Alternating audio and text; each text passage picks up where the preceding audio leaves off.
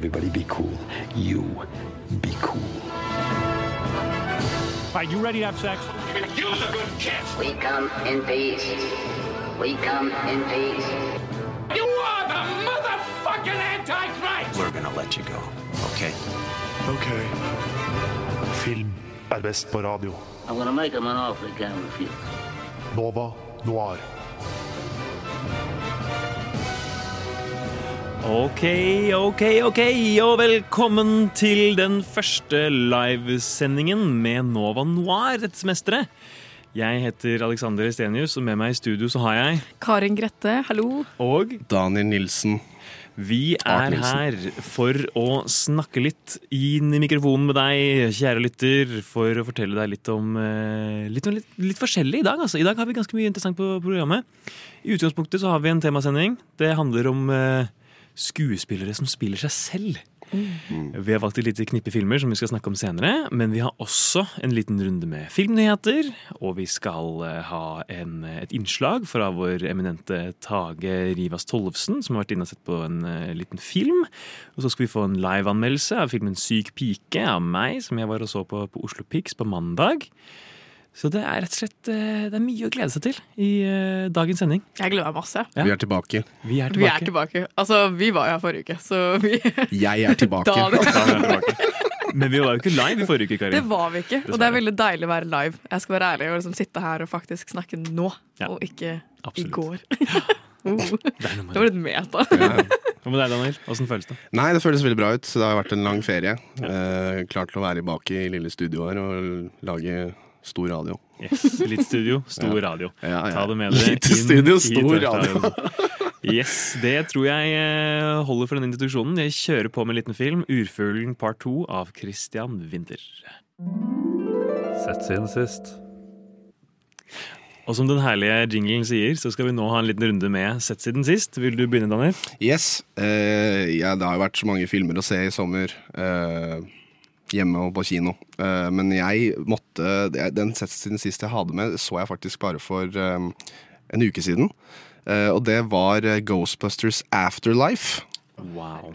Og det er en liten throwback, for den første sendinga jeg hadde på Nova Noir, var sånn beste og verste i vennegjeng. Og da hadde jeg Ghostbusters som beste vennegjengen. Ja. Så det er en direkte oppfølger fra Ghostbusters fra 1984. eh, og etterfølgeren som kom i 1989. Eh, og den eh, var skikkelig kul. Koste meg.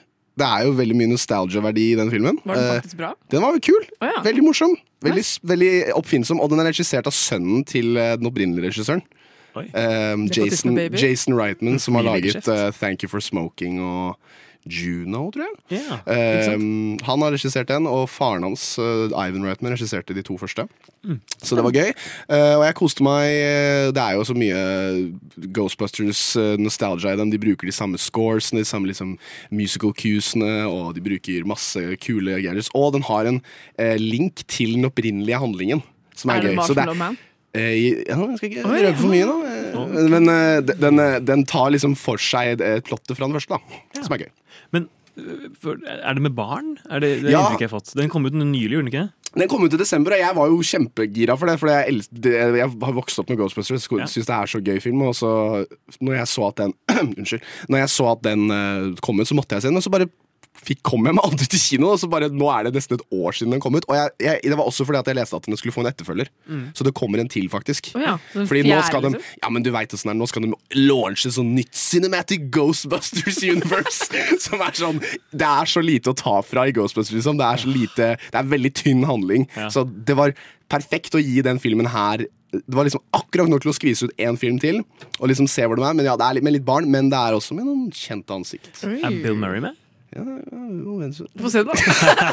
Ja, altså det er, det, det er litt eh, cameos fra en rekke der, da. Eh, og, så den eh, anbefaler jeg veldig hvis dere liksom har et spesielt sted for Ghostbusters og Bill Murray, kanskje. et sånn der hattenikk til en Lite hattenikk til de. Ja. Koste meg. Så nice. Ja, det jeg har sett siden sist. Vi snakket så vidt om det på, på pauserommet før vi gikk på lufta. Jeg, så, jeg tar et fag nå på UiO som heter alternativ film. Veldig morsomt fag. Eh, Vi ser mye rar film, derav tittelen alternativ film. Eh, Så i går så, så vi da eh, en film fra 2009 som heter Trash Humpers av Harmony Korean. Yes. Og den er Altså, Det eneste jeg klarte å beskrive den som, var Jackass på syre. Eh, for det var det første jeg klarte å tenke på. For den er som laget i samme tidsrom. Eh, den er like estetisk ekkel. Den er filma på håndholdt kamera, så den ser skikkelig trashy ut. Den har den skateestetikken. Ja, som du nevnte i stad, Daniel. Det er skateestetikk, bare Jackass-sketsjer, på en måte. Så det, er, så- det er veldig, den er veldig ekkel og veldig rar. Og de første liksom, ti minuttene så må du liksom prøve å etablere deg i dette universet, da, for det er tre eh, hovedkarakterer eh, som har på seg sånne gammelmannsmasker. Og så bare går de rundt og jokker på søppeldunker og eh, myrder venner, sånn, venner og fremmede fra gata. De bare går rundt og sykler med en sånn plastdokke hengende etter seg på sykkelen. Og det er bare Det er så kaos hele tiden. Høres ut som en good time. Ja, Og så går det liksom 10-15 min, og så har du begynt å liksom venne deg til hele greia. Og da begynner det å bli litt morsomt, så da sitter du liksom og ler litt og flirer. Og du, du klarer liksom å se komikken i det. Det varer kanskje 10-15 min, og så blir det bare kaos i 40 min. Med, du vet ikke hvor du er. Eh, Aner ikke hva som skjer. Eh, det er bare masse random shit. Det er skikkelig mye nasty greier. De sitter og pisser på fortauet, og eh, ja, det er en fyr som blir slått i huet og blør i hjel og sånn. Eh, og så Det er provokative greier, dette her. Veldig provokative greier. Jeg hadde, vi satt jo da fullt klasserom med liksom 40 mennesker, og jeg merka at ingen likte den. liksom. Alle var bare sånn 'herregud, hva faen'. Og så kommer det plutselig da en sånn estetisk montasje med liksom eh, sånn late night eh, gatelys.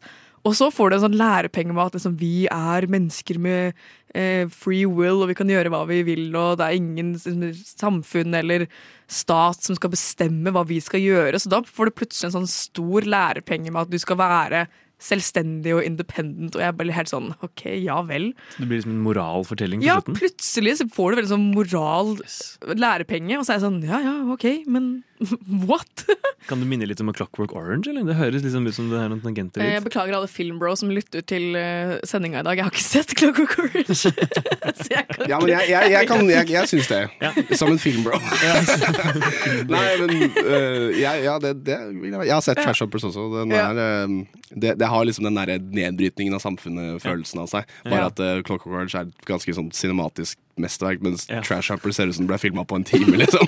men, men det er liksom det, begge to liksom, Jeg husker bare veldig godt at Trash Humpers har en sånn hypnotisk effekt. At den, du, den, du le, du, den estetikken er så Den er så um, ja, altså stofflig, liksom. Du kan nesten ta på det. Det er veldig sånn Du sitter der og blir veldig sånn Det er sånn hypnotiserende følelse at du sitter og bare tar det innover deg. Og til slutt så har du sittet i 40 minutter og sittet og sett på sånn håndholdt shaky cam i mørket i en suburb i Los Angeles, liksom. Og bare sånn Ja, så det, det Jeg husker den som veldig kaotisk, og kanskje ha du, du, må finne kanskje litt mer tolkning i den enn Clockwork Orange, eksempel. Ja, jo mer jeg har liksom tenkt på det i ettertid, jo mer har jeg likt den.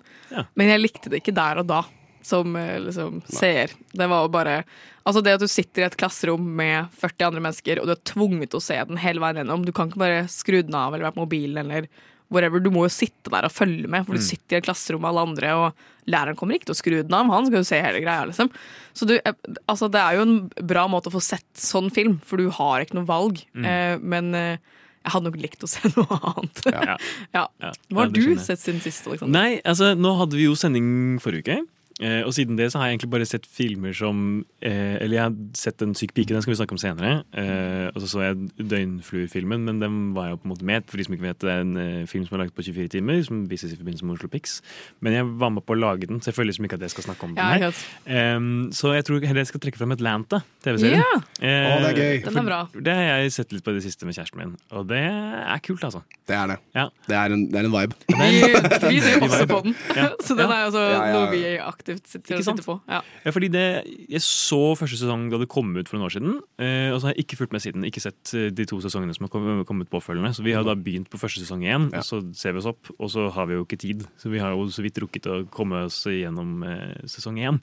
Men eh, når vi får tid, fy faen ass, det er eh, oser av kreativitet. Ja, det er Sorry. Ja. Nei, det, det er bare en fet serie. Mm. Eh, For vi har også sett bare sånn nesten sesong én. Ja. Men det er så surrealistisk hele tiden. Ja. For du vet liksom ikke hva er ekte og hva er virkelighet. Og Ja. uh, Darius er jo bare helt Det er visst liksom. David, det er visst David Lynch og hiphop uh, liksom kom sammen, syns jeg. Det er sånn uh, Det er en fantastisk eh, kombinasjon, og du får en Det er utrolig å karakterisere så, gode, så godt, samtidig som du får fram den Du, du attacher deg til de karakterene, men du samtidig mm. syns det er morsomt og kult å se på. Og det er ikke alltid du får de to tingene.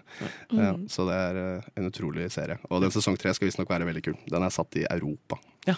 Så Jeg gleder meg veldig til eh, det. har du sett hele sesong to? Nei, det har jeg ikke. Har du sett sesong én? Ja, nå har vi sett sesong én. Okay. Ja, Eh, så kult. skal vi begynne på sesong to nå. Veldig kult. Ja, det gleder jeg meg veldig til. Må bare finne litt tid. Um, så det uh, var det for vår Sett siden sist uh, runde. Uh, Ja. Nå skal vi høre en liten ode til alle de varme nettene som er forbi, nå som vi er på vei inn i høstsemesteret. Nemlig I Love Hot Nights. filmnyheter. Alt som vi lager nå, er remakes eller liksom samme historie om igjen. Om det har skjedd en stor skandale. Film. Film. Film. Film. Film. Film. Film, film, film, film, film, film, film, film, film, film, film. Film, film, film, film, til filmnyheter. Veldig nytt. Til Film. Yes, da er det filmnyheter vi skal snakke om. Kan jeg få en liten trommevilmer for, for dere? Yes, min nyhet eh, for eh, uken er at eh, Lord of the Rings, The Rings of Power er visstnok bra. Eh, det er uh, This Just In eh, fra verdens medieoppspinn er at The Rings of Power, den nye Amazon-serien som er den dyre, offisielt den dyreste serien noensinne lagd, eh, den er ganske kul. den er visstnok visst altså, det- skal- Den kommer ut i morgen. yeah. Så det, da kan alle make up their minds, så det blir interessant. Men sånn, de, mange reviews er i hvert fall sånn fem av seks. Ja, ganske, sånn, Wow. ganske bra. Eh, og ty men tar tydeligvis liksom må virkelig pick up the pace sånn eh, informasjonsmessig, fordi det er så Ja. mye de skal ta for seg. Eh, og, så tror de skal, og så tror jeg de skal gjøre det på seks episoder. Hele dritt, liksom? Jeg tror det er seks episoder. Seks eller åtte episoder. Men er det time lange, da? De må jo være det. Ja. Eller, jeg, Jeg eller kanskje sånn time der- 15 eller noe. Sånn der, jeg kan se for meg at det er enda lenger. Jeg håper ikke det Eh, blir sånn Stranger Things to og en halv time, liksom. det kan hende, ass. Du veit aldri. Men det er jo lenger enn filmen. Ja, det er sant. Seks ganger. Men sånn, eh, jeg tror i hvert fall den Rings of Power altså det, er, det, det er jo så mye Jeg husker jeg leste den nyheten at Amazon hadde kjøpt opp de rettighetene i 2017 eller noe. Sånn, Og jeg satt i, oppe i Lofoten og filmskolen og bare var sånn herre Hva faen? Skal Amazon lage Lord of the Rings? Altså i morgen så er det dropper det, liksom. Det er helt sjukt. Liksom, fem år in the making, så er det endelig her. Ja. Uh, og det blir skikkelig spennende. Og House of the Dragon kommer jo også ut uh, nå, uh, samme året. Mye for den fantasy-interesserte, altså. Mye, og den er jo Den, hold- den var kul. Den var, jeg, jeg så to episoder, sett to episoder. Det er, man får den der Game of man husker, man, Når man ser det, så blir man litt sånn herre Faen, ja, jeg husker at Game of Thrones var liksom noe jeg så fram til når, jeg, når det var liksom på, sitt, på sin heyday. da Ja, ja. Så det var kult. Så Rings of Power og I guess House of Targaryen ble da, Nei, House of the Dragon også, da. To fantasy-serier som dropp, har droppa og skal droppe nå. Og som visstnok er bra. Og som Ja. visstnok er ganske bra. Vet du hva, Jeg backer det. Ja. Jeg er glad i en god fantasy-serie. Men det liksom, virka bare som at bare fett. Ja, det virka bare som at The Rings of Power bare Den har alt å tape, liksom. Ikke sant? Sånn at, Ja, ja. at, noen, at, at de første reportsene er at eh, den er, den er bra. Den er kul. Koste meg. Det er i hvert fall et positivt tegn. Enn at, fordi fy faen, Tenk om du bare den review droppa, så bare er det sånn Det er jævlig Det, det sugde, altså. Det var bare, jeg har ingen sett det ennå engang. Dyreste serien i verden, og så er det bare så dårlig, liksom. Nei, så sjekk det ut. For meg. Ja, eh, min eh, eh, liten nyhet for uka er at uh, dere har jo alle sett Euphoria. Uh, eller jeg har, ikke, jeg har bare sett sesong én, i hvert fall.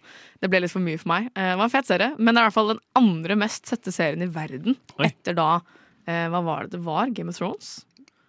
HBO? Jeg tror det. Og det er den, eh, på HBO, da. Så er det den andre okay. mest sette serien. Eh, og dere kjenner da til rollen Cat. Hun eh, litt sensuelle damen som eh, driver med videocam-greier i sesong én og ja, er litt badass, finner seg selv. Hun har nå eh, sluttet som den rollen, eh, og da forlatt hele serien. Kommer ikke tilbake da til sesong tre, som da dropper. Skuespilleren, altså? Skuespilleren, ja. eh, Barbie Ferreira, som hun heter. Eh, jeg fant ingen årsak til hvorfor. Det bare, hun har bare posta det på Instagram og vært sånn 'Jeg kommer ikke tilbake igjen'. Eh, det var veldig mange som trodde det var masse drama. Det var det ikke. Eh, det er det flere i castet, da, blant annet Zendaya, eh, eh, hun Hunter Hva heter hun? Ja, ja, Ja, hun spiller Jules og Jacob Lordy har alle tre gått ut og vært sånn Det har ikke vært noe drama, det har ikke vært noen uenigheter mellom eh, regissøren og eh, Freira. Det er bare Hun bare kommer ikke tilbake igjen. Så det er jo litt rart, da. Det hørtes ut som vi var sånn TMZ-outlet et lite øyeblikk der. sånn der Reports Jacob og Lordy Zendaya sier at det ikke er noe drama. Skal vi ta dette på god fisk, eller er det noe mer til historien? Jeg tror kanskje det er det. Ja, ja altså det, er, det er fredelig, da. Vi skal bare drive med andre prosjekter, tror jeg. Ja. Gjøre andre ting. Men er det planlagt flere sesonger av uh, Det kommer en sesong tre, Ja, okay. ja, så De- da kommer ja. hun ikke tilbake til den, da. For han serieskaperen holder vel nå på med en serie eller De skal til å slippe en serie nå med The Weekend. Med The Weeknd, ja. ja. Og hun uh, Lily Rose Depp, er det ikke hun Jo, som er jo. Ja. Uh, den, uh, det ser ut som en Euphoria-spin-off, eller noe. ja, ja. Eh, men jeg tror det er også litt sånn Det har jo vært mye sånn drama bak um, Euphoria-settet. Føler jeg føler jeg liksom har lest noe nytt dramatisk om det Euphoria-settet annenhver uke når det gikk, liksom. Ja. Uh, så det, det um, det at det kanskje ikke er noe drama. Det er, det det er sånn, vi må prate om er, Var det noe dramatisk. Var det Ja. noe knuffing, liksom? Ja, Altså, det er jo ikke, det er jo ikke nødvendigvis det. Ja, for du, jeg har i hvert fall hørt historier om at det var noe greier med han serieskaperen som var litt eh, Dodgy. Ja, Ja. ugreit. Jeg hadde også hørt det, at det også var eh, sånn creative differences. Ja. Eh, I tillegg til det du da nettopp sa, Alexander, med at Ja. det var eh, mye drama mellom regissøren og Freira. Eh, Mm. Men jeg fikk også liksom, rykter om at hva om hun bare ikke liker rollen, og hun får ikke uttrykke seg på den måten hun vil, og den går feil retning. Men det var heller ikke tilfellet. Ja. Ja. Men uh, fra rykteflom til bekreftede ting, så kan jeg eh, komme inn med min filmnyhet nyhet inn fra siden her. Uh, den uh, premiereaktuelle Christopher Borgli, som da er regissøren bak Syk pike, som da har vel egentlig kinopremiere nå til helgen, men har blitt vist i forbindelse med Oslo Pix. Den, eh, han skal nå regissere en film med Nicholas Cage i hovedrollen. Produsert av eh, A24, Ja. og eh, da blant annet av Ari Aster. Med regissøren Ja. til 'Midtsommer'. Hva?! Ja. Herregud! Det er liksom det beste av alt, det der.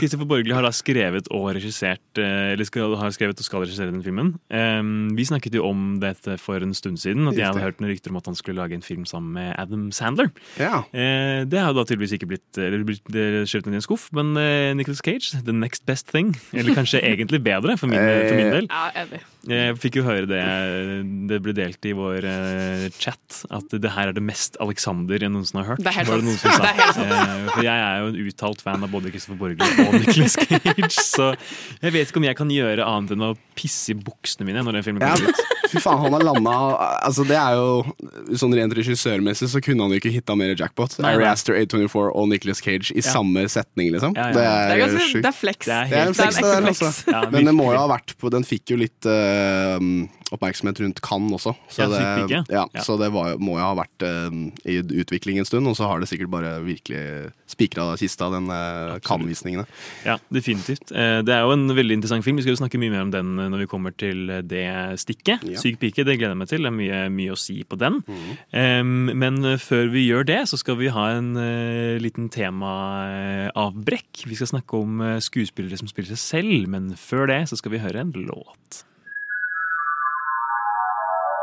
Du lytter til Nova Når. All right, vi har kommet til den delen av sendingen hvor vi skal snakke litt tema. Jeg gleder meg. Før vi kommer inn i filmene vi skal snakke om, så skal vi introdusere temaet vi skal eh, ha kjønn i dag. Vi skal nemlig snakke om eh, skuespillere som spiller seg selv. Og hva er det du tenker på når du hører det temaet, Karin? Eh, det er jo litt sånn metagreier, da. At du, skal, sånn, du er en skuespiller, men rollen din er deg selv. Og så må du da være deg selv, men også spille rollen som deg selv. Så det blir sånn derre hva, hva betyr det, egentlig? Og så er det så mange måter man kan gjøre det på. Det er ikke bare liksom at du dukker opp som deg selv, og du er bare deg selv til vanlig. Du kan jo også være deg selv, men bare en bit av deg, eller være liksom en forlengelse av deg selv, men fremdeles være deg selv. Det er veldig mye man kan gjøre med det, uten at det bare blir deg på, på skjermen som du er til vanlig. Liksom. Ja. Så ja, jeg liker det veldig godt. Jeg, tror, jeg, jeg, jeg er enig. Det er, det er, um, veldig, det er litt meta. Um, men jeg tenker også veldig mye på um, det, det, det blir en slags hybrideffekt. Film, film kan få litt hybrideffekter. Og det er, liksom, det er noen filmer som på en måte prøver å ta litt dokumentariske og litt fiksjonelle elementer sammen i samme filmen.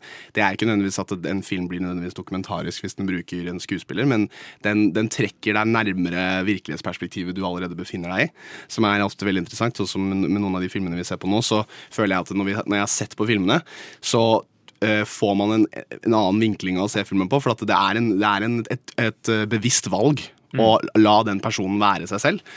Ehm, og det, til, det skal tilføye noe til historien. Hvorfor har han valgt Hvorfor, hvorfor vi bruker han seg selv i filmen? her, ikke sant? Skal det være for å bygge en verden? Skal det være for å uh, bridge en eller annen gap? ikke sant? Så det, det, For meg så har det ofte det, det er viktig at det er motivert, på en måte. Eh, og det syns jeg det, egentlig alle filmene her på en måte har klart, men noen bedre enn andre. da. Jeg syns ofte det er eh, litt gøy med det at man er seg selv. For du får en sånn rot i virkeligheten, og så kan du liksom sette hele storyen i din egen virkelighet. Ja. Mm. For det er da ja, du kjenner til skuespilleren utafor filmen, du veit hva de holder på med til vanlig, og så plutselig så er det en sånn hel spillefilm satt da i virkeligheten, på en måte, der du også befinner deg. Og da blir det sånn Oi, er jeg også med i den filmen her? Mm. De her er jo et virkelig, er virkelig, virkelig folk, liksom. Det er det du sier, Daniel, med at det knytter på en måte bånd mellom den fiksjonsverdenen og den virkelige verden. Ja, en bro, liksom. Ja, eh, og Det er et utrolig interessant perspektiv. Samtidig så er det jo eh, Man får jo aldri et, et reelt innblikk i, i personen man ser avbildet på film. Det er jo alltid en eller annen form for tilskruddhet, en eller annen form for fiksjonalisering. Enten det er at man skrur seg til på den ene eller andre måten. Det ser vi jo med karakterene som vi, eller med de personene da, som vi skal møte i løpet av disse filmene vi skal snakke om. Mm. At de, spiller, de spiller seg selv på en måte som gjør at de er liksom ikke seg selv, men de er på en måte seg selv på en måte som folk ser dem utenfra. Så de spiller opp de attributtene som folk, som folk kanskje kjenner, kjenner dem for. Um, for å gjøre seg selv en, til en slags ultraversjon av seg selv, på en måte. Em, og det er et ganske interessant perspektiv. Det er det. Og jeg tror de filmene det er som sagt, jeg, jeg sa at Noen av de filmene gjør det litt bedre enn andre, men det, alle av dem har på en måte de, de bridger en eller annen gap mellom seer og verk verk, som øh, andre filmer øh, som, som de fleste filmer ikke prøver på. da. Mm. så, som sagt, de har en slags Det å, det å ha, gi det et poeng med å være øh, en, en skuespiller som spiller seg selv, eller ikke nødvendigvis en skuespiller, men bare, bare være en, en person som spiller seg selv. At det er en offentlig person som skal være den personen i denne filmen. Det, det har på en måte mange Det kan få så utrolig mange vinkler på hvordan du øh, tar inn historien du skal se på. da. Og så er det jo også noe med at uh, altså de filmene vi ser på nå, de har jo ganske er veldig forskjellige sjangere. Uh, og befinner seg i veldig forskjellige universer. Um, sånn, den første vi skal snakke om, er jo Being John Malkovich. Der har vi, befinner vi oss i et veldig absurd univers. Og det at det på en måte er en karakter i dette, dette universet som vi kjenner fra vår virkelige verden, binder jo dette veldig absurde universet til vårt eget på en måte som gjør det veldig interessant. Ja, og du blir veldig, eh, som sagt litt eh, snakka om eh, også, bare det at eh, du blir så aware av din egen verden. ikke sant? Og da, det, det er det som eh, ofte Charlie Coffin-filmer også noen ganger får til. At de, de, de setter deg i et eh, De tar dette absurde samfunnet, men gjør det overraskende relevant. virkelighetsnært. Ja, Ja. virkelighetsnært. Et kjemperart univers, men det, er liksom, det, det blir tatt noen ting på noen stikk da, ikke sant? på noen ting som bare virkelig skjer i everyday life, som blir liksom virkelig emphasisa. Og det med det der virkelige perspektivet med John Malkovich bare highlighter det så utrolig mye, så det er veldig interessant å snakke mer om. Mm. Absolutt. Ja, vi har jo tre vidt forskjellige filmer med alle roten av at det er også i din verden, på en måte. Ja. For alle filmene er jo satt med folk fra den virkelige verden mm. eh, som seg selv. Og det er så rart å da ha disse tre veldig forskjellige filmene, og så er alle på en måte en del av din virkelighet også. Mm. Eh, men ingen av de har noen likhetstrekk som de sjanger. Og det blir litt spennende. Ja, det er veldig interessant. Altså, nå kan vi jo gå over til å snakke om hvilke filmer vi skal snakke om. Vi skal først begynne med Being John Malkovich.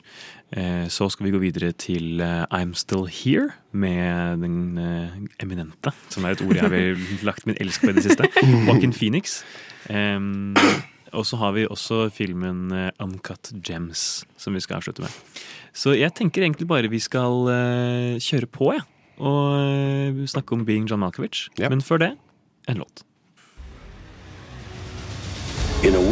That's powered by violence. In a world without gas. In a world where owning a radio was strictly forbidden.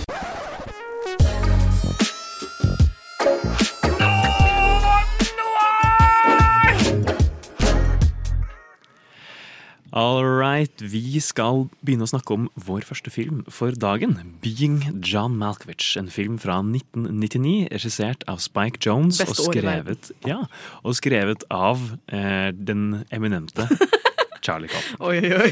Jeg prøver å ligge på en eh, si eminent fem ganger i hver sending. Ja. Um, den har John Cusack, Cameron Diaz og selvfølgelig John Malkovich i hovedrollene.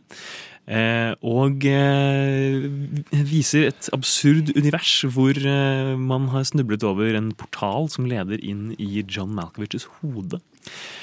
Eh, jeg tror vi skal høre en trailer. jeg. You see the world through John Malkovich's eyes, and then after about 15 minutes, That's not me. I didn't say that. you're spit out into a ditch on the side of the New Jersey Turnpike. It was amazing. Where the hell are we? We're subconscious. Do you think that it's kind of weird that John Malkovich has a portal? I mean, do you think that it might have some sort of significance? What is going on? Huh? I discovered that portal. It's my head! It's my head. We're into Malkovich's subconscious. Det beste er det når han sier I will see you in court. Hvor skal vi begynne? Ja, det er, si, Det er en så eh, Altså, den er så veldig på temaet hva vi skal snakke om. Det er en hel film som baserer seg på skuespilleren John Malkovich, som jeg, jeg syns er så morsom, fordi det kunne vært så veldig mange andre skuespillere, men det er John Malkovich. Og så er det så gøy, for at det, i filmen så sier de sånn herre Yeah, you know, he's really respected actor. He's like He's been in uh, altså sånn Ingen filmer det Jewel Thief ja, og så kommer de ikke på filmen. Og så bare tenkte jeg sånn Når jeg begynte å tenke på John Malkovich, sånn, ja, han er en fantastisk skuespiller. Han har vært med i um, eh, Ingenting. Altså, kommer, Han har det, vært med masse. Han har vært med i utrolig mye film, men du kommer ikke på en eneste en. Og da ble jeg sånn Fader, det er genialt å bruke han, liksom.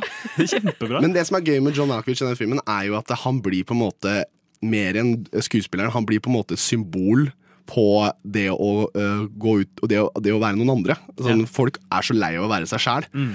at, at han blir liksom uh, mantra og være sånn herre Vær en annen i 15 minutter. Vet du hva, enda bedre, vær respected actor John Malkovich i 15 minutter.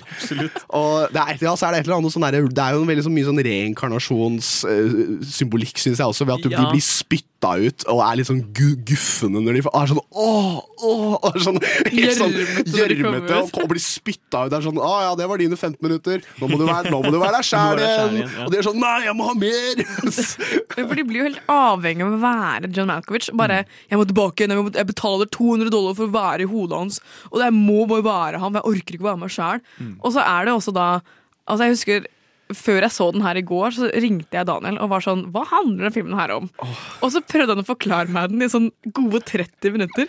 Og så var han sånn Nå har jeg forklart deg 10% av filmen. Og jeg var helt sånn Kødder du meg? For da var det sånn der, hele introen da med sånn der OK, det er John Cusack, han er Ja. puppeteer. Ja. Og så er det dama hans, uh, Cameron Diaz, hun er veterinær. Hun har Ja. alle dyra sine hjemme i huset.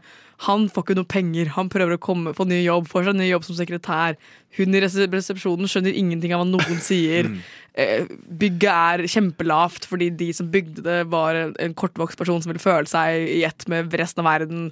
Og så får han jobb, og så får han en elskerinne, og hun er skikkelig drittsekk, og så finner og en portal. Jeg var helt sånn Det her tok 30 min å forklare. Og jeg var sånn det, Var det første halvtimen? Den varer jo i to timer, liksom. Ja. Den er, det er så mye som skjer. Ja, det er helt Det er helt utrolig, vilt. utrolig mye som skjer. Men det er liksom det som er gjengangen, da, som du beskriver. Det er dette her med, med på en måte liksom selvrealisering. på en måte At man, man jakter noe, og så har man ikke funnet det, og så finner man ut at man kan oppnå sine drømmer ved å være John Malkovich. Eh, og eh, Det er der det kommer inn, det der med det der å være et skuespilleraspektet. At det er John Malkovich, og det er en ekte person. Og Mm. han brukes så innmari mye i den filmen her. Han blir nesten for Han går forbi seg selv, liksom. Ja. at John Malkovich blir på en måte et slags um, han blir noe mer enn bare Han John Malkovich. Ja, han blir noe mer Mm. enn John Malkovich. på en måte eh, Men samtidig så er det en grunn til at de har brukt han som skuespiller til å Mm. da, da, da, da, Når jeg så det, så tenkte jeg da de har bridga en sånn gap mellom at denne, denne filmen blir plutselig veldig mye mer hånd, eh, håndgripelig Ja. eh, enn at det bare skulle være en eller annen actor guy. liksom Så Mm. er det real guy John Malkovich. Og mm. Jo, um, denne filmen er jo laget i 1999, uh, i en periode hvor det ble laget mye filmer med liksom denne grå estetikken. Med liksom disse, denne kontorrotte som et sentralt tema. Samme som Fight Club, samme som Ja. Wanted. Som på en måte bryter ut i et ønsket liksom, drømmeliv, da. Og det, ja, det er jo det som skjer med den kontoropplevelsen der. Ja. Og, og det, man blir så frustrert av å se dem gå sånn hunched over hele tida. Det, det gikk så til, i nerven min, og det Unnskyld. Um, det har de jo sett der. Mm. det, har, det, det merker man. Det er sånn hvor mye kroppsspråk blir, da. Og uh, det beste scenen er jo når de er, står i kø for å vente på å bli John Malkovich, og alle står sånn. sånn Alle liksom har med alle, de, de, de ser sånn ned i bakken, liksom. Det ser ut som de skal bli sendt til slaughter, liksom, alle Ja, ja. sammen. ikke sant? Og det er bare sånn, nei, nei. De bare er så, det er så, det er sånn det, det, Dette er kroppen min som sier den er deppa, liksom. Og med, jeg, kan, jeg jobber i kontorlandskap, jeg kan ikke engang stå oppreist her inne. Det er så undertrykkende, liksom. Det er kjempe Men samme hun derre elskerinna. Ja. eh, hun Maxine. Å, fy søren, hun var irriterende. Altså, hun gikk meg skikkelig på nervene. Hun er så Ja. slem. Ja. Og så lite empatisk og umoralsk og bare For hun eh, er da kollega med han John Cusack, eh, og så klarer hun å få tak i nummeret til John Malkovich Mm. og inngår liksom et forhold med han også. Men hun er bare i et forhold med han når det er andre folk enn John Malkovich i hodet hans. Mm. Så blant annet da kona, Cameron Diaz sin rolle, hun får jo også lov til å være inni hodet hans. Og hver gang hun er der, så har Maxine da samleie med John Malkovich, men det er da både John Malkovich og Cameron Diaz som ser på Maxine. Mm. Og det blir helt sånn metagreier, og så Ja. jeg, jeg vet ikke, jeg bare For hun er jo en hedonist, ikke sant? Mm. Hun har jo funnet en måte å utnytte systemet på. på en måte. Eller hun klarer å leve i det systemet som undertrykker alle andre rundt henne, men på en måte hvor hun er liksom Hun er bubbly Ja, over alle andre, liksom. Over alle andre, og alle syns hun er jævlig digg, og hun på en måte klarer å finne ting å, å sette pris på da, i det livet sitt. Eller hun på en måte gjør Hun, hun gir jævla faen! Mm. Hun bare vil ha egen suksess for seg selv liksom, og Ja, ja. driter i alle andre. Og er bare sånn 'Å ja, dumt for deg, ha det bra'. Og så er det sånn Ja, så er det noe sånn, hun, har liksom, hun kan få hvilken som helst mann hun vil, da. Og dette her er liksom beyond det, det ikke sant? Det er liksom, nå Nå kan du få har jeg, jeg har, flere av gangen, Ja. men i én person, Ja. på en måte. Og eh, sånn som alle eh, Charlie Coffin-filmer, så drar den liksom så, så Det skal jo alltid liksom få et sånn dra seg helt ut-klimaks. Hvor det er sånn Ja. her, det, hva, Og så hva går forbi det, da? Jo, han, han klarer å ta hånd om John Malkovich, og så blir han en anerkjent puppeteer. Og John Malkovich Og det, når den der sekvensen med John Malkovich som blir eh, puppeteer Det er jo John Cusack som klarer å liksom stjele hele kroppen hans. til Mm. John Malkovich. Det er bare John Cusack i hodet hans, og så har han dytta ned Ja. eh, John Malkovich til sin egen underbevissthet. Så han blir liksom den ultimate blir- ja. puppeteeren. Da. Ja. Og den sekvensen, det er liksom den, den delen som gjør det mest ehm, Sånn uh, uttrykksfullt med det der skuespiller som spiller seg selv. Fordi det er sånn, Du kan så jævlig se for deg det skje. da At det er sånn John Malkovich er bare Jeg swear, uh, sverger av acting nå, jeg må bli puppeteer. Og så bare blir han sånn kjempeflink, og det er bare sånn alle folk bare er sånn derre Åh! Åh, så, så flink han er! Og bare sånn der, Han blir også gjør, Han liksom performer på Emmy Awardsene. Og, det er sånn der, og han vinner Han har sånn Oscar-performance, og han blir liksom kjempeanerkjent som sånn, dukkemester. da Og det er liksom det kan man se for seg Det, det blir så innmari virkelighetsnært. Fordi jeg, jeg kunne lett sett for meg en eller annen skuespiller gjøre det. Uh, og få den anerkjennelsen. Og, liksom, og han får sånn masterclass på Juilliard, og de driver Ja. der sånn herre You are not crying. The doll is crying. You ja. need to cry. ja, ja.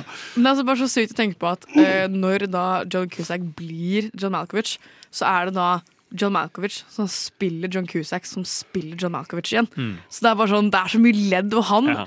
Jeg kan jo se John Cusack gjennom John Malkovich, men jeg kan også se John Malkovich gjennom Cusack gjennom Malkovich. Det, er bare Ja. så sykt sånn dypt inn i liksom sånn Det er sånn, sånn som I'm Thinking of Ending Things eller alle andre Koffmann-filmer som fins. Det er bare sånn, man må helt sånn Hva er det som foregår, liksom? Ja. Eller når uh, John Malkovich tvinger uh, John Cusack til å få han inn i portalen, Mm. så han faller ned i sin egen subconsciousness. Så han da million går inn i eh, portalen til seg selv, Ja. og da blir hele verden bare han. Ja, så han er faller da ut Malkovich, i ja. en virkelighet der ingen sier noe annet enn Malkovich.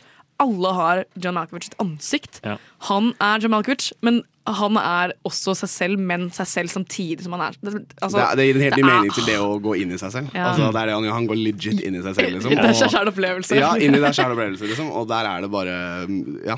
Og, Ja, det er helt sykt. det er så gøy, fordi han, han, når han går ut av seg selv, eh, og han liksom blir kasta ut sånn som alle andre, så går han til eh, John Cusacks karakter og er sånn derre I have seen a bleak world, and it must not be like this. Han liksom, han, han, liksom, liksom at han blir sånn derre Ingen kan gå inn der, Ja. der hvor jeg har vært nå. Ok, Det er altså veldig veldig mye mer vi kan si om denne filmen. Ja, Men for å holde tiden så tror jeg vi er nødt til å gå videre til I'm Still Here. Men først en låt.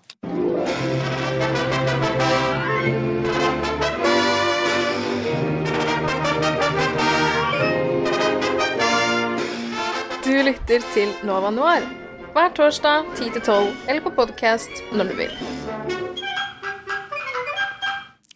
All right, vi skal over i vår neste film. Det er I'm Still Here. En eh, mockumentary som kom ut i 2008. Nei, 2010, mener jeg. eh, regissert av Casey Affleck med Joaquin Phoenix i rollen som seg selv. Sin livsrolle, vil kanskje noen si. Eh, vi møter da her eh, Joaquin Phoenix. ja, Joaquin Phoenix. Eh, Idet han skal til å opptre på et sånt charity-event, hvor han da bestemmer seg for at nei, jeg skal ikke lenger være skuespiller. Jeg skal bli rapper. Then you understand that it was at your lowest that you were closest to God. Life's a journey that goes round and round, and the end is closest to the beginning. So if it's change you need, relish the journey.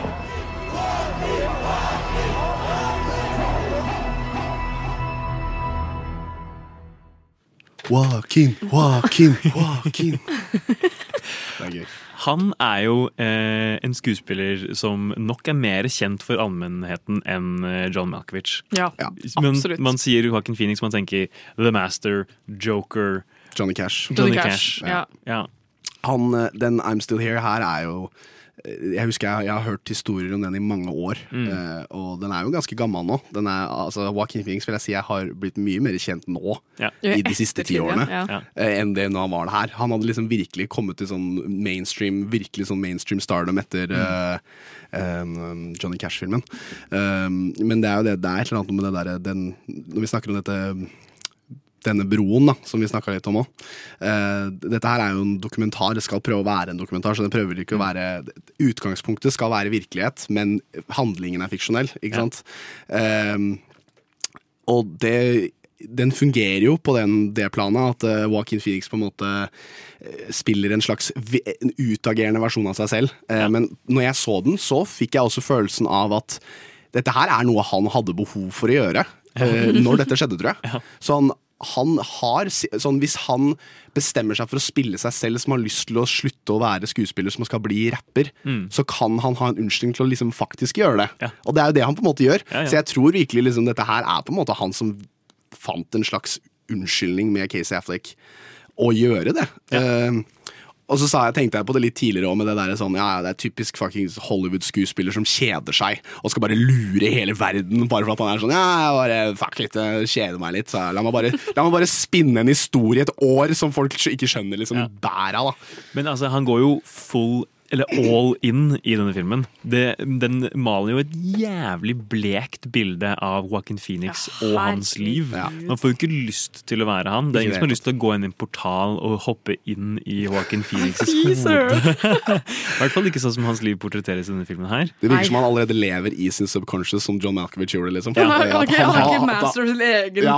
har, han har allerede gått inn i seg selv og venter på å komme ut. liksom. Ja, ja.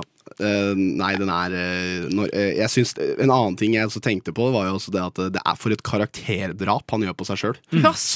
søren. Det kunne virkelig gått bad, altså. For at det, det var jo hele greia at det, var liksom Casey Affleck og liksom de to andre som er med i filmen, og, og resten av folka vet jo på en måte ikke er ikke helt med på greip, virker det som. Sånn. Sånn, og alle disse mediebildene og alle disse paparazziene som følger han, de er ekte paparazzier. Sånn, de, er ikke, de er ikke med på joken, de, liksom. De er sånn genuint sånn Hva er greia med deg? Hvorfor er du så blitt så tulling, liksom? Og det kunne jo gått skikkelig dårlig. Sånn, altså det Han spinner en rar historie til hele verden, og så skal han bare liksom på et øyeblikk si kutt, det var filmen. Og så var, og skal alle liksom bare gå tilbake til å tenke på hvordan han var før. Så Men- det gjorde også bridgen helt sånn merkelig sånn mellom virkelighet og fiksjon, syns jeg. Men eh, var P. Diddy med på det her? Eller Det tror jeg ikke. tror du han også ble Det- lurt? Ja, det tror jeg. Fordi han, som, som Alexander nevnte, uh, Håkon Finnes har nå lagt opp heldigvis et, og vil nå satse på en hiphop-karriere som rapper. Og er bare en skikkelig skikkelig shit-rapper. Dårlig, Dårlig beats, drittrapper, dårlig liksom. flow, dårlige tekster. Og han er bare sånn folk, folk skjønner meg ikke, og det er bare de vil ikke bruke, sette av tid til å bare lytte på meg. Og så oppsøker han da P. Diddy som produsent og viser da musikken hans, og han er bare sånn Hva Mm. faen? Har du penger til det her? Er du sikker? Tror du at det kommer til å lykkes med det? Og bare prøver å få han til å liksom skjønne at du, kan ikke, du kan ikke gjøre det her, liksom.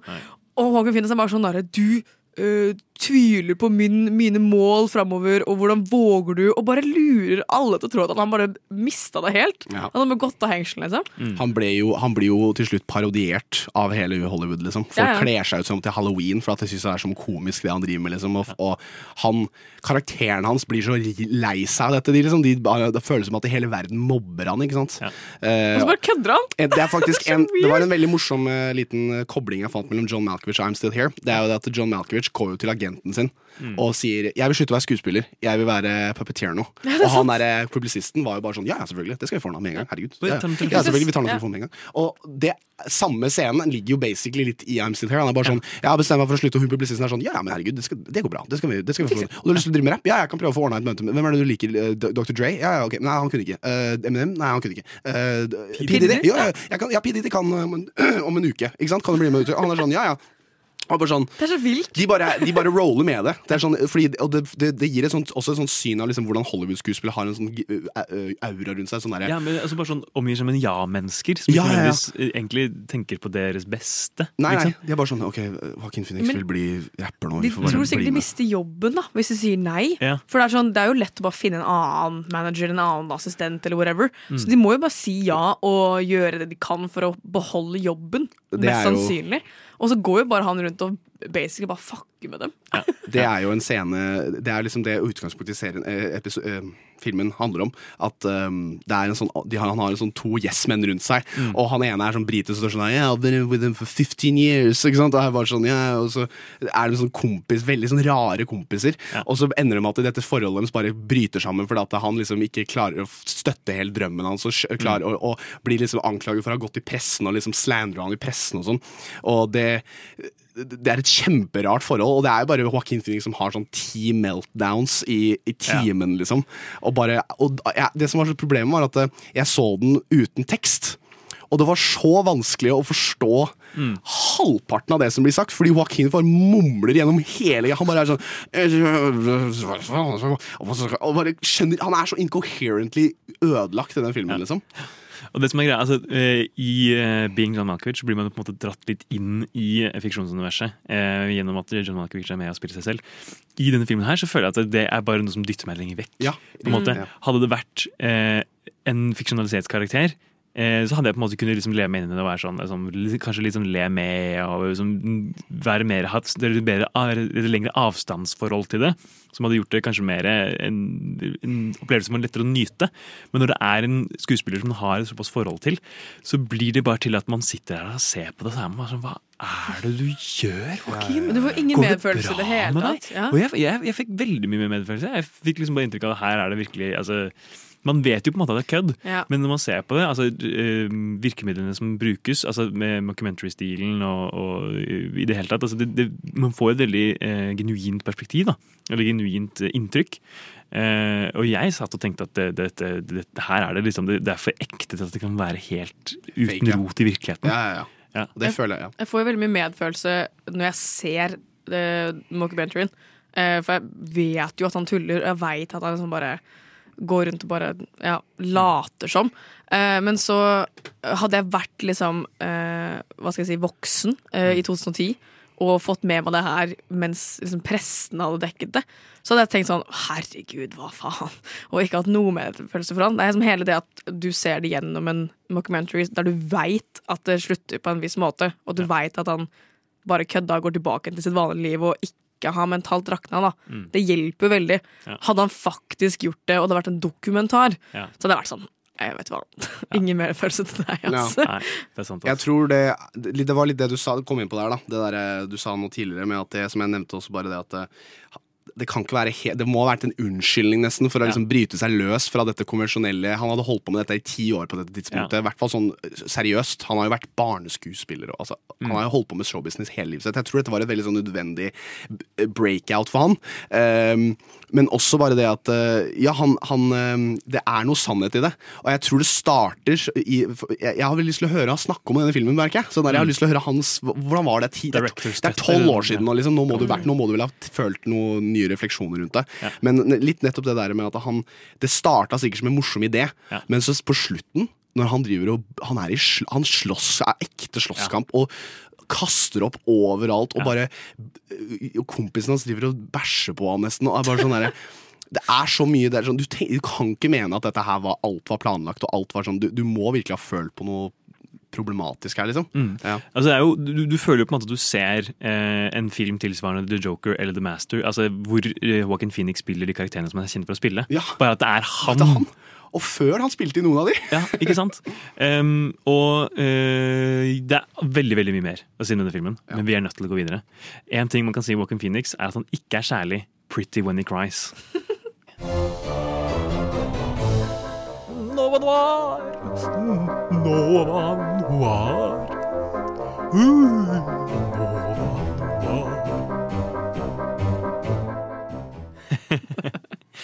Eh, det er viktig å huske at eh, Uhu er tilbake på NRK Nettspiller. Helt sant. Veldig viktig å huske. Eh, nå skal vi videre til noe helt annet, eh, nemlig altså noe helt annet enn Uhu. Eh, vi skal til Uncut Gems. Denne filmen her, regissert av Safdie-brødrene. Den eh, har jo da eh, Adam Sandler i hovedrollen. Altså en performance of a lifetime. Kom ut i 2019. Eh, jeg husker i hvert fall jeg selv var helt betatt av denne filmen da den kom ut. jeg eh, hadde en så intens opplevelse å se denne på kino eh, at jeg fy faen, altså- kino? Ja, altså vi, Jeg gikk på filmskole da, og da, da, hadde vi, eh, da streama vi den på Netflix i kinosalen vår. Så vi hadde privat kinovisning, basically, og bare Wow! Altså, det var eh, Jeg hadde aldri sett noe lignende, tror jeg. Nei. Jeg tror vi skal høre en trailer. jeg. I made a crazy risk, a gamble, and it's about to pay off. So I want the Celtics to cover. I want the Celtics halftime. I want Garnett points and rebounds. What do you know? I don't know. I just know. Well, I'll tell you what I know. It's the dumbest fucking bet I ever heard of. I disagree. I disagree, Gary. Jævlig fett soundtrack, å si det. Herregud, så kult. Ja, ja, ja, det er en fet trailer det her, altså. Eh, men eh, nei, altså nå skal vi på en måte over i noe en film som har litt andre, andre elementer enn det vi har snakket om tidligere. Blant annet så er det jo ikke hva skal man si, Hovedkarakteren i denne filmen spiller jo ikke seg selv. Vi har mer noen sidekarakterer som binder dette uh, fiksjonsuniverset til virkeligheten.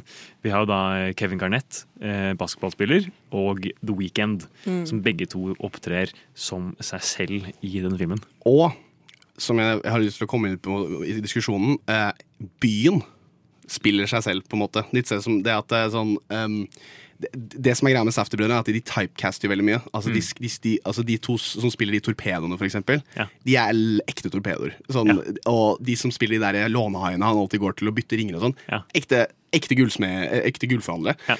De, den byen her er så grounded i reality at den føles nesten virkeligere ut enn noe annet jeg har sett. Som, det er derfor jeg tror den er så intens også, fordi det føles ut som at du ser en dokumentar til tider. Det, det er, de scenene er så intense, og spesielt som hvordan også dialogen er skrevet.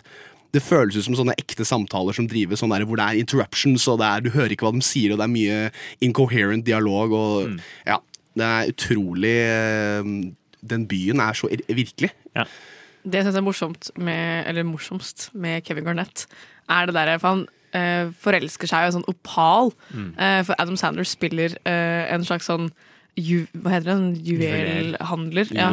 Eh, og så eh, kommer liksom Gar eh, Garnett, da, og så skal liksom se på en opal og forelsker seg så sykt i den opalen. Mm. Og det er så sykt sånn basketballspillere å gjøre. Bare sånn, Jeg kommer til å bringe meg lykke. Jeg Ja, kommer, ja, til, å, mojo, ja, jeg liksom. kommer til å gjøre det så bra som basketballspiller. Jeg må ha den opalen her. Og Det er, sånn, det er noe en kjent basketballspiller hadde gjort i virkeligheten. Liksom. Så det er ikke out of character fra Kevin Garnett å bare gjøre det. Det er også en annen ting som er veldig i, dypt grounded i reality her. Det er også det at uh, sportsutøvere og har ofte sin egen sånn plugg med uh, juveler. Altså mm. sånn eh, de, har, de er veldig interesserte i eh, stener, diamanter og det sånn chakra? Liksom? Er ja, det sånn der nei, så- ikke chakra. hvis Nå, altså, nå sier jeg sportsutøvere, men det er fordi det er ofte det er liksom blitt en trend over de nye og de siste 20 årene. Da. Mm. Men det er jo også veldig mye kjendiser. Men disse, her, disse forretningene er veldig sånn, tar veldig mye stolthet i det. sånn der, Ja, her kommer Travis Scott, vi har gitt han en ny chain, vi har lagd det, den er faen meg 3000 dollar karat på den.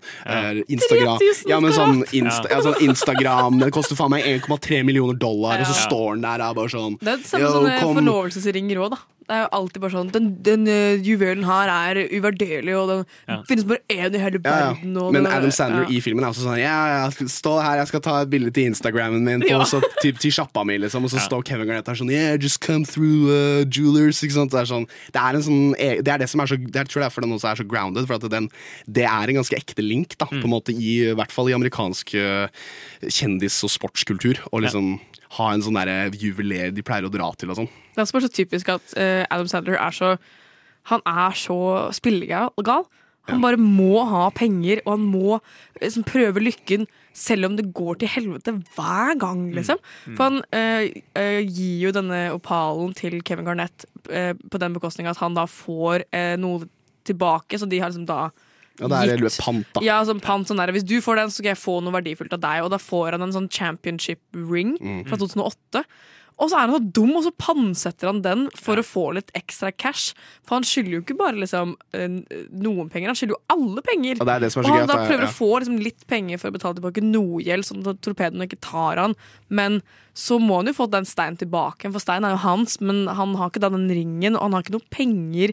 Og det er bare Det er så mye kaos hele tiden. Mm. Og han, eh, Adam Sanders karakter bare lever i en sånn evig tilværelse av kaos med kona si, med elskerinnen sin, med jobben sin, med gambling, med liksom alt rundt han hele tiden er bare kaos. Ja, det er Nettet snører seg rundt ham fra Mm. starten av filmen. liksom. Det er jævlig intenst. Den er også veldig Jeg liker også uh, tanke på at uh, den, den, den caster så mange ekte mennesker, og den tar veldig sånn uh, Veldig sånn i detalj er jo også um, det jødiske samfunnet i, i New York, uh, og, og de feirer jo Pesak.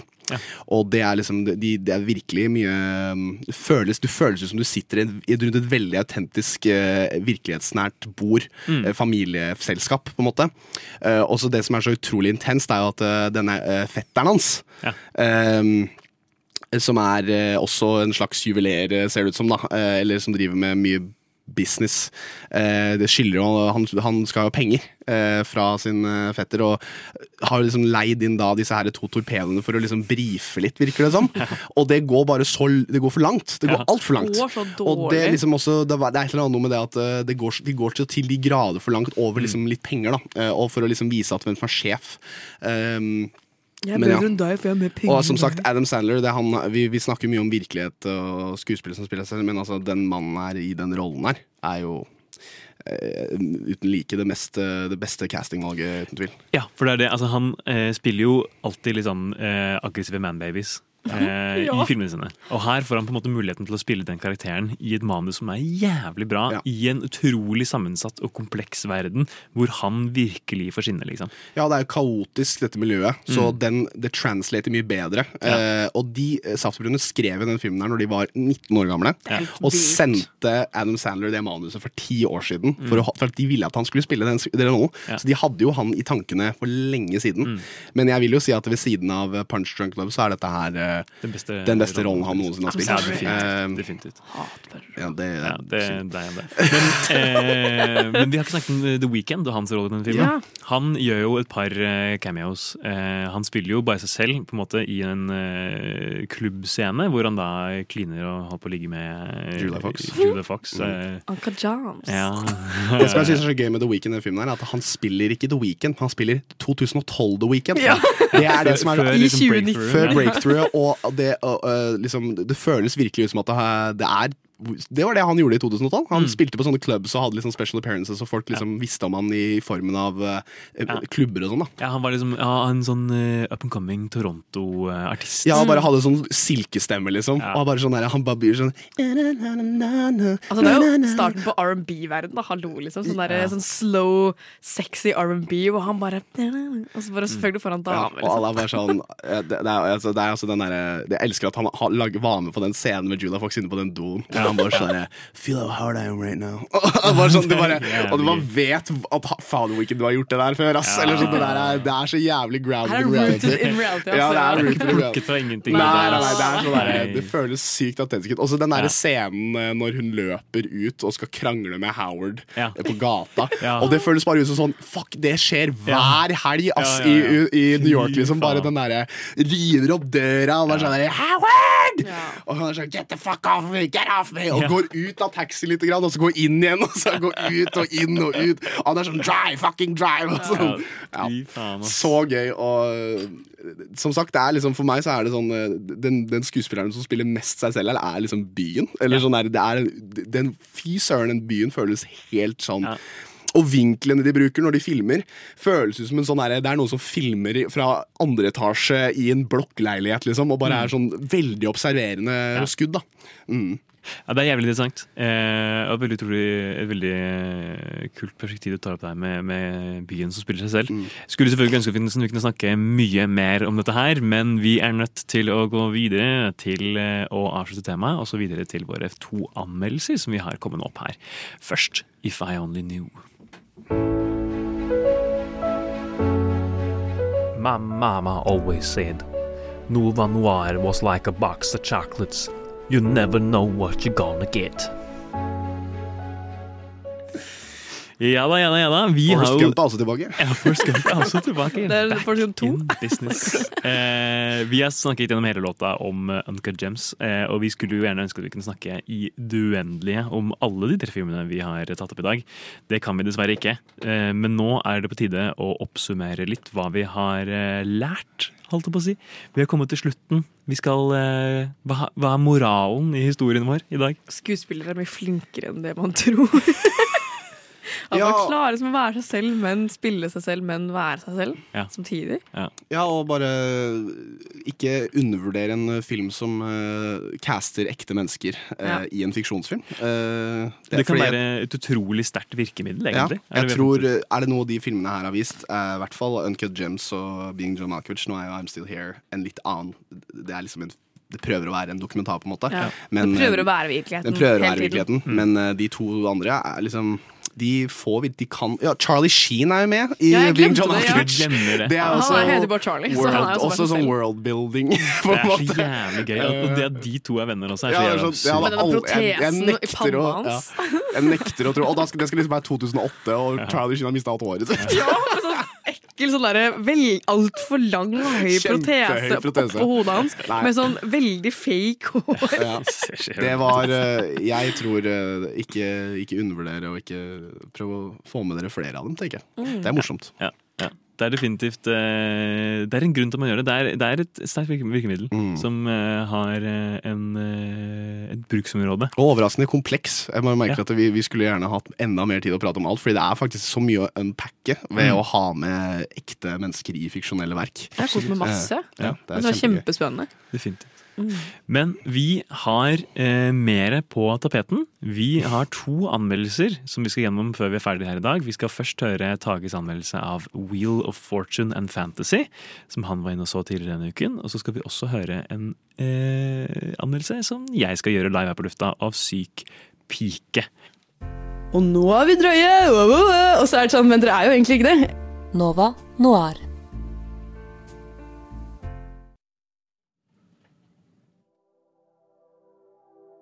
Når jeg dro for å se Wheel of Fortune and Fantasy, visste jeg absolutt ingenting om filmen jeg var på vei for å se.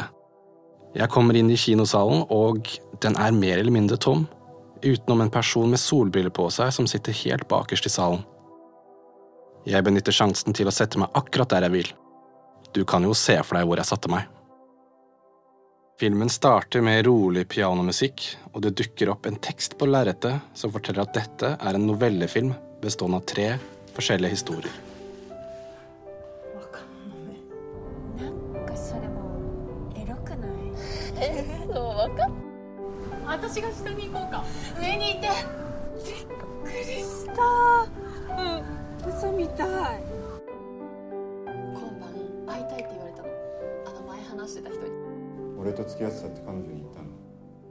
なん Nå burde jeg kanskje nevne at filmen er skrevet og regissert av ruske Hamaguchi, et navn du kanskje kjenner til dersom du så filmen Drive My Car i fjor. Drive My Car vant Oscar for beste internasjonale film, og ut ifra Wheel of Fortune and Fantasy å bedømme, er Hamaguchi en fantastisk historieforteller med en helt unik stemme i filmbransjen. はでも3回目ぐらいに大体みんな求めてくるそうだから3回目で求めてきた人はチャラいっていうくくりあグミちゃん厳しいないやまあそれはねこことここで違うとこだよ Jeg visste som sagt ingenting om plottet til filmen, og det syns jeg egentlig var en ganske fin opplevelse, så jeg kommer til å være vag med vilje om hva de ulike historiene handler om. Det jeg kan si, er at de følger tre forskjellige kvinner som havner litt tilfeldig i unike mellommenneskelige situasjoner. Det er den type situasjon som har en intimitet og særegenhet som kanskje bare oppstår én gang i livet ditt. En hendelse du ikke vil dele med andre, som du husker i lang tid. サインここにいただいていいですか本の中にですか私このページの描写がとても好きなんですここに先生のサインをいただけたら読むたびにすごく嬉しいと思ってダメですかいやじゃあ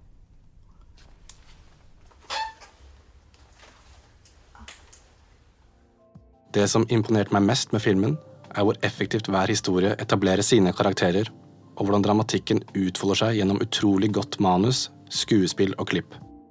Hver gang en av historiene tok slutt, ønsket jeg å vite hva som skjedde videre med karakterene. Men allerede noen få minutter inn i neste fortelling var jeg på nytt investert i helt nye karakterer med sine helt egne konflikter. Når jeg gikk ut av salen og ut i Oslos gater, føltes det litt rart ut å komme tilbake til min egen virkelighet. Det er få filmer som lar meg glemme meg selv slik Wheel of Fortune and Fantasy gjorde. Rett og slett filmmagi.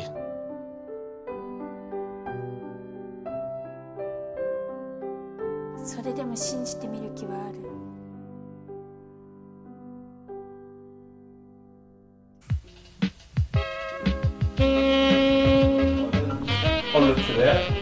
bare What the fuck? Har du sett Parasite? Ja. Har du sett Parasite? Du vet når hun gjør den der, den der huskeringen sin? Å, shit, shit. Uh, Nova Noir.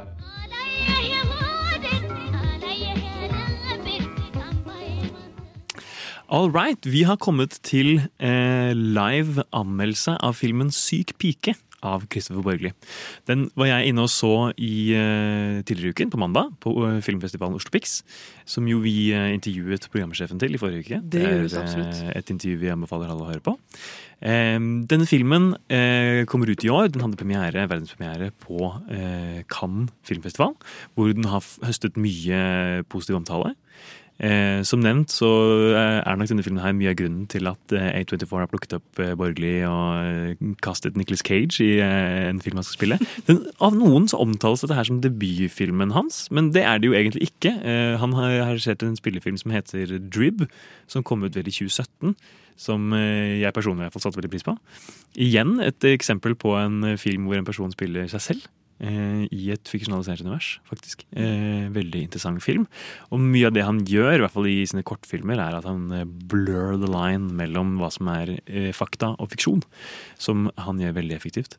Denne filmen her er et rent fiksjonsunivers, men som trekker fra hendelser fra, vi, altså fra verden vi kjenner, som gjør at det hele føles veldig gjenkjennelig og samtidig absurd. Jeg tror bare vi skal ha en trailer. Det er jo narsissistene som kommer seg opp og frem i verden. Ok, Hvis det stemmer, da. Hvorfor jobber du på kafé da? Fordi jeg ikke er narsissist. Hvordan staver du det? L-I-D-E-X-O-L. Lidexol, hva er det?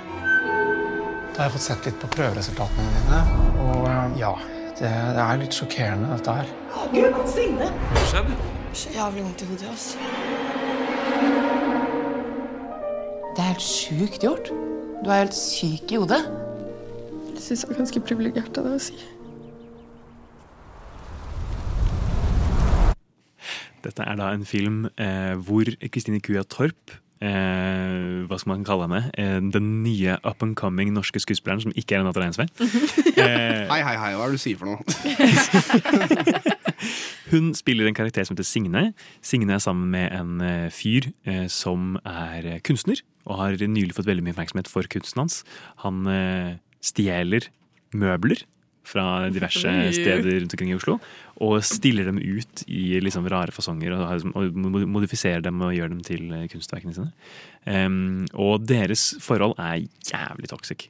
De eh, prøver hele tiden å uppe hverandre i liksom altså De skal alltid liksom ha oppmerksomheten. De tåler ikke andre, De skal alltid være bedre enn andre. andre. Alltid på en måte ta oppmerksomheten og sørge for at det er de som er in the spotlight. Um, og det er en utrolig fascinerende titt på liksom, oppmerksomhetskulturen, narsissisme og i det hele tatt. Så Signe går jo så langt at hun eh, kjøper seg noen eh, piller på nettet som eh, hun har funnet ut at fører til en eh, veldig sjelden eh, hudsykdom, som er helt grusom. Så hun utsetter seg selv for eh, altså, helt sinnssyke kropps... Eh, altså sånn, en sinnssyk hudsykdom som, som endrer eh, utseendet hennes nesten fullstendig. Eh, egentlig bare for å få oppmerksomhet. Seriøst? Ja. Er det det som er greia? Det er filmens handling. Så hun vet at hun blir mis, Hun blir helt ødelagt. Hun gjør det med vilje. Bare for å, For å uppe han jævla kjæresten. Mm. Slå opp, da. Seriøst, liksom. For det, det er jo eh, en av de tingene som man sitter her og tenker når man ser denne filmen. Den er eh, for det første utrolig vakker. Utrolig flott skutt. Eh, og så er den eh, Altså, konseptet er jævlig sterkt. Mm. Og Kristine Kuja Torp er som alltid utrolig, utrolig flink. Og selger denne performancen som bare det. Eh, og castet er som spekket med liksom forskjellige norske Oslo-baserte skuespillere som man liksom kjenner igjen hvis man har sett på Humor Njø og tilsvarende ting. Um, og altså, alt, altså skuespillet er liksom det, det, det fungerer veldig bra, men, men det er noe med denne dynamikken mellom eh, Eirik Sæther, som spiller kjæresten, og Kristine Kuatorps karakter Signe, som eh, til tider er sånn altså Man tenker bare for seg selv hvorfor gjør de det ikke bare slutt? Samtidig som man jo kjøper at liksom, det virker som de har på en måte vært sammen veldig lenge, ting har blitt en vane, og så har de på en måte kommet til det punktet Komfortable, da. ja, hverandre, liksom. hvor de liksom, det er kommet til et punkt hvor de, liksom de, de kan kanskje ikke se for seg noe annet. Og det er det som er problemet. Mm. Og så blir, de på en måte, så blir det bare en konkurranse om å uppe hverandre. Utrolig, utrolig toxic. Um, For det er en film om det at liksom narsissister er de som lykkes i verden. Er det det som er Hva Nei. er liksom Nei, altså det er jo et quote fra den traileren som vi ser, eh, hvor hun selv hevder at hun ikke er narsissist. Eh, hun mener da at narsissister er de som kommer opp og fram i verden, men hun, men hun er jo for guds skyld ikke det. Selv om hun selvfølgelig er innbegrepet på en narsissist, liksom. Eh, hun jobber da på en kafé, og en av de innledende hendelsene er at hun eh, blir eh, vitne til at en kvinne blir bitt av en hund. Um, og kommer da inn på kafeen med liksom store blødninger fra halsen, hvor hun da har blitt bitt av denne hunden. Eh, en veldig veldig traumatiserende hendelse som for henne, som på en måte starter hele den greia, gjør på en måte blir liksom fiksert med um, offerrollen, Oppmerksomheten, ja. og blod også. Det er en liksom, altså, denne filmen er liksom en blanding av uh, cringe og body horror. Mm. Ehm, og jeg satt og, og, gjennom mesteparten av filmen og var jævlig ukomfortabel. Ja. Ja, for jeg så har traileren til den, Mm. og ble u u ukomfortabel bare av den. Ja. Og det er bare et lite snippet av resten, liksom. Mm. Men det er en, en utrolig utrolig fascinerende film. Um, problemene i den ligger i at den ikke er så godt pacet. Eh, og at avslutningen litt fiser ut i ingenting. For det er, en, det er en ganske god liksom, oppbygning mot at man på en måte forventer at nå kommer det liksom, et klimaks. Nå kan vi på en måte se liksom, det, kanskje en, eh, en innrømmelse. Nå må det det, altså det, det bygger på en måte til noe som ikke helt kommer. Eh, Vi får liksom eh, en viss utvikling i, i hovedkarakteren, men for ikke å spoile, så blir det liksom aldri Det monner aldri helt, og, og avslutningen føles veldig ufullstendig eh, og lite tilfredsstillende. Det er ikke noe Eh, redemption, liksom. Nei, men det er ikke nødvendigvis det at man ønsker seg det heller. Mm. Um, men bare en, uh, en avslutning som på en måte uh, ikke gjør skam på selv, altså på resten av filmen og på det utrolig gode konseptet. For det er, det er så utrolig, utrolig solide elementer gjennom hele denne filmen. Som gjør at den er fornøyelig og grusom og morsom og alt. Men mot slutten så er det rett og slett Man, man går liksom ut av kino med en litt sånn følelse av at åh, men den eh, Ja, han er litt ufullstendig. Um, han, eh, han er liksom ikke så flink til å avslutte denne Mm. filmen. Um, og så eh, er det også en del sånne metagrep. Vi ser en del uh, ting som utspiller seg i Signes uh, hode. Um, hvor hun på en måte forestiller seg alle mulige slags hendelser som kan komme av hennes, eh, hennes handlinger. Um, og til, mot slutten så blir det liksom, blir liksom, det blir litt blurry hva som skjer og hva som ikke skjer. På slutten så får vi en konfrontasjon, men man er kanskje ikke helt sikker på om det faktisk skjer eller ikke. Og det kan på en måte være effektivt nok at det er liksom usikkert hva som foregår eller ikke. Man, man, altså Signe er jo en veldig utroverdig eh, forteller eh, gjennom hele filmen. Hun prøver jo på en måte alltid, å iscenesette seg selv. Som en veldig bra, Ja. eh, opphøyd person, da, på Mm. en måte. Men så kommer vi også inn under huden på henne. eh, på en måte som er utrolig fascinerende. Altså, jeg kan ikke si hvor, mange nok ganger hvor utrolig Kristine Kua Torp er i den filmen. Um, Eirik Sæther også spiller jo en karakter som ligner litt på seg selv. Han er jo selv kunstner eh, og eh, bildehogger, eh, så vidt jeg har forstått. Og eh, gjør, det, gjør det kjempebra. Eh, og det er rett og slett bare utrolig solid regi. Eh, et kjempegodt manus. Eh, noen ordentlig, ordentlig gode enkeltscener. Det er en scene hvor de har sex, for eksempel, som er helt sånn absurd og grusom og fæl. Og det, det, det, er, det er veldig mye å ta med seg hjem. Det er en film som man kan, man kan gruble litt på. Eh, problemet ligger i at man kommer ut av kinosalen med en følelse av at det er ufullstendig. Mm. Mm. Jeg skjønner. Det er, en, det er en veldig sterk anbefaling til alle eh, som er litt nysgjerrig. Eh, den har blitt omtalt som eh, den grusomme lillesøsteren til eh, verdens verste menneske. eh, og det kan jeg stille meg bak. Eh, Oslo eh, fremstilles litt eh, likt, på en måte. Det er som en sånn Altså den, den sånn varme og altså Jeg må ikke glemme å snakke om location. Altså De bruker altså, helt fantastiske locations. Eh, virkelig bare sånn Det stjeler showet ved mange mange anledninger. Utrolig utrolig flotte locations. Em, Når har den premiere? den har vel premiere nå på søndag, tror jeg. Ja. Eh, jeg har jo da sett den på Oslo Pix, eh, men eh, den har for alminnelig kinedistribusjon for neste uke. Ja. Eh, en sterk anbefaling eh, fra meg. Bortsett fra avslutningen. Men det er en film å ta med seg videre og, og gruble litt på. Og så kan vi glede oss veldig til å se hva Christopher Borgli får til med Nicholas Cage i hovedrollen. Eh, nå eh, knytter vi et eh, lite bånd rundt eh, denne anmeldelsen av Syk pike og går til, bort til å høre hele natta lang.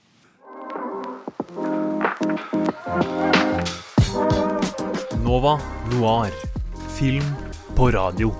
Hver torsdag 10 til 12 eller i din podkast-app når som helst.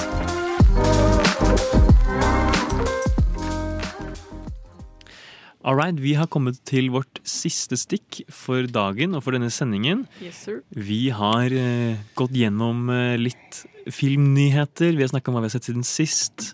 Vi har uh, preika litt om filmer med, med skuespillere som spiller seg selv. Først Being John Malkovich, så I'm Still Here, og så Uncut Gems. Mhm. Føler vi har lært en del om, eh, om det fenomenet der, altså det temaet. Hva tenker Ja, dere? absolutt. Ja. Jeg synes Det var veldig spennende å diskutere med dere også, ikke bare sitte og fundere med meg selv. på en måte. Det er jo gøy å høre alle andres tanker òg. Da får du litt dypere blikk, innblikk i det. Det var mye mer å unpacke enn jeg trodde. Når jeg kom inn i dag, så tenkte jeg sånn, det blir kanskje litt vanskelig å finne ut av hva jeg skal, hvordan vi skal prate om det, det temaet. Men ja. det er, var overraskende lett å prate om. eh, Det, der, og det, var, det var så mange lag som du kunne unpacke. Så um, det, det, for meg så har det egentlig bare åpna opp en et nytt fokus på å være litt på, mer på utkikk etter eh, originale filmer hvor man kanskje får med en eh, skuespiller eh, som spiller seg selv. Fun fact om Uncut Gems. Når eh, Adam Sandler skal opp i leiligheten sin og liksom prøve å finne hun Judah Fox, og sønnen hans blir med for han må på do, Mm. så banker de på en dør på høyresida. Han sier han, denne, han fyren her var med i Good Times og Coming to America, han som bor her. Og det er faktisk han som spiller manageren i Coming to America. Altså Han er sjefen til Eddie Murphy i, på den burgersjappa. Og, det er Han han, og han er med i ett sekund. Han er sånn Hey, can I- kid use your bathroom? Og sånn, Hell no. Og så bare lukker han døra igjen, og det var han. Det, er, så det var også en mann som spilte seg selv. Det er sant. Ja. Wow. Det er mange, mange nivåer Det er så mange lag i den filmen. nivåer her. Eh, etter at vi ble ferdig med å snakke om dette temaet her, så hørte vi først en eh, anmeldelse fra Tage, hvor han har vært inne og sett eh, den eh, nye Rizuke Hamaguchi-filmen Will of eh, Fortune. Will of Fortune and Fantasy. Mhm. Den eh, høres veldig interessant ut. Jeg gleder meg veldig til å se den. Jeg vet at den er tilgjengelig på strømmetjenester allerede. Den har jo eh, vært ute en stund, men får nå eh, kinopremiere. Eh, og så har vi også snakket om eh, filmen Syk pike, som også nå får eh, premiere på søndag. Eh, premieren er visstnok utsolgt, men jeg regner med at det er mulig å finne seg en eh, mulighet for å komme inn og se den i løpet av høsten. Det er en varm anbefaling. Det er mye som kommer på kino nå for tiden. Det er en veldig sterk filmhøst for norske filmer, altså. Jeg gleder meg. Det er litt for alle, liksom. Det er noen eh, store mainstream blockbustere som liksom 'Krigsseileren' og 'Olsenbanden'. Men så er det også liksom, smalere filmer som 'Syk pike', blant annet. Så jeg tror det blir en god filmhøst for de, de som liker norsk film. Mm. Og det er jo alltid spennende. Jeg gleder meg. Eh, Ja, det blir en bra også. høst. Ja, absolutt. Det gjenstår egentlig bare å takke for oss her i studio. I dag har jeg hatt med meg Karin Grette. og Daniel Hart Nilsen. Jeg heter Alexander Stenius, og med oss på teknikken har vi hatt den eminente Ragnhild Bjørlike. Uh! Og så må dere huske, er, eh, vi tar inn nye medlemmer. Eh, Det er søknadsfrist på søndag. Mm. Og det er bare å gå inn på vår Facebook-side eller på vår nettside og finne link Mm. Ja. til eh, påmeldingsskjema. Radionova.no. Der Yes. finner dere en sak som heter 'Vi søker nye medlemmer'. Der finner dere en link til vårt søknadsskjema. Vi håper dere søker, eh, og så håper vi at vi ser noen nye folk her eh, når de kommer om et par uker. Vi gleder oss masse. Vi gleder oss masse. Takk for oss. Radionova er best. Alle andre er tapere. Radio Nova. Mm.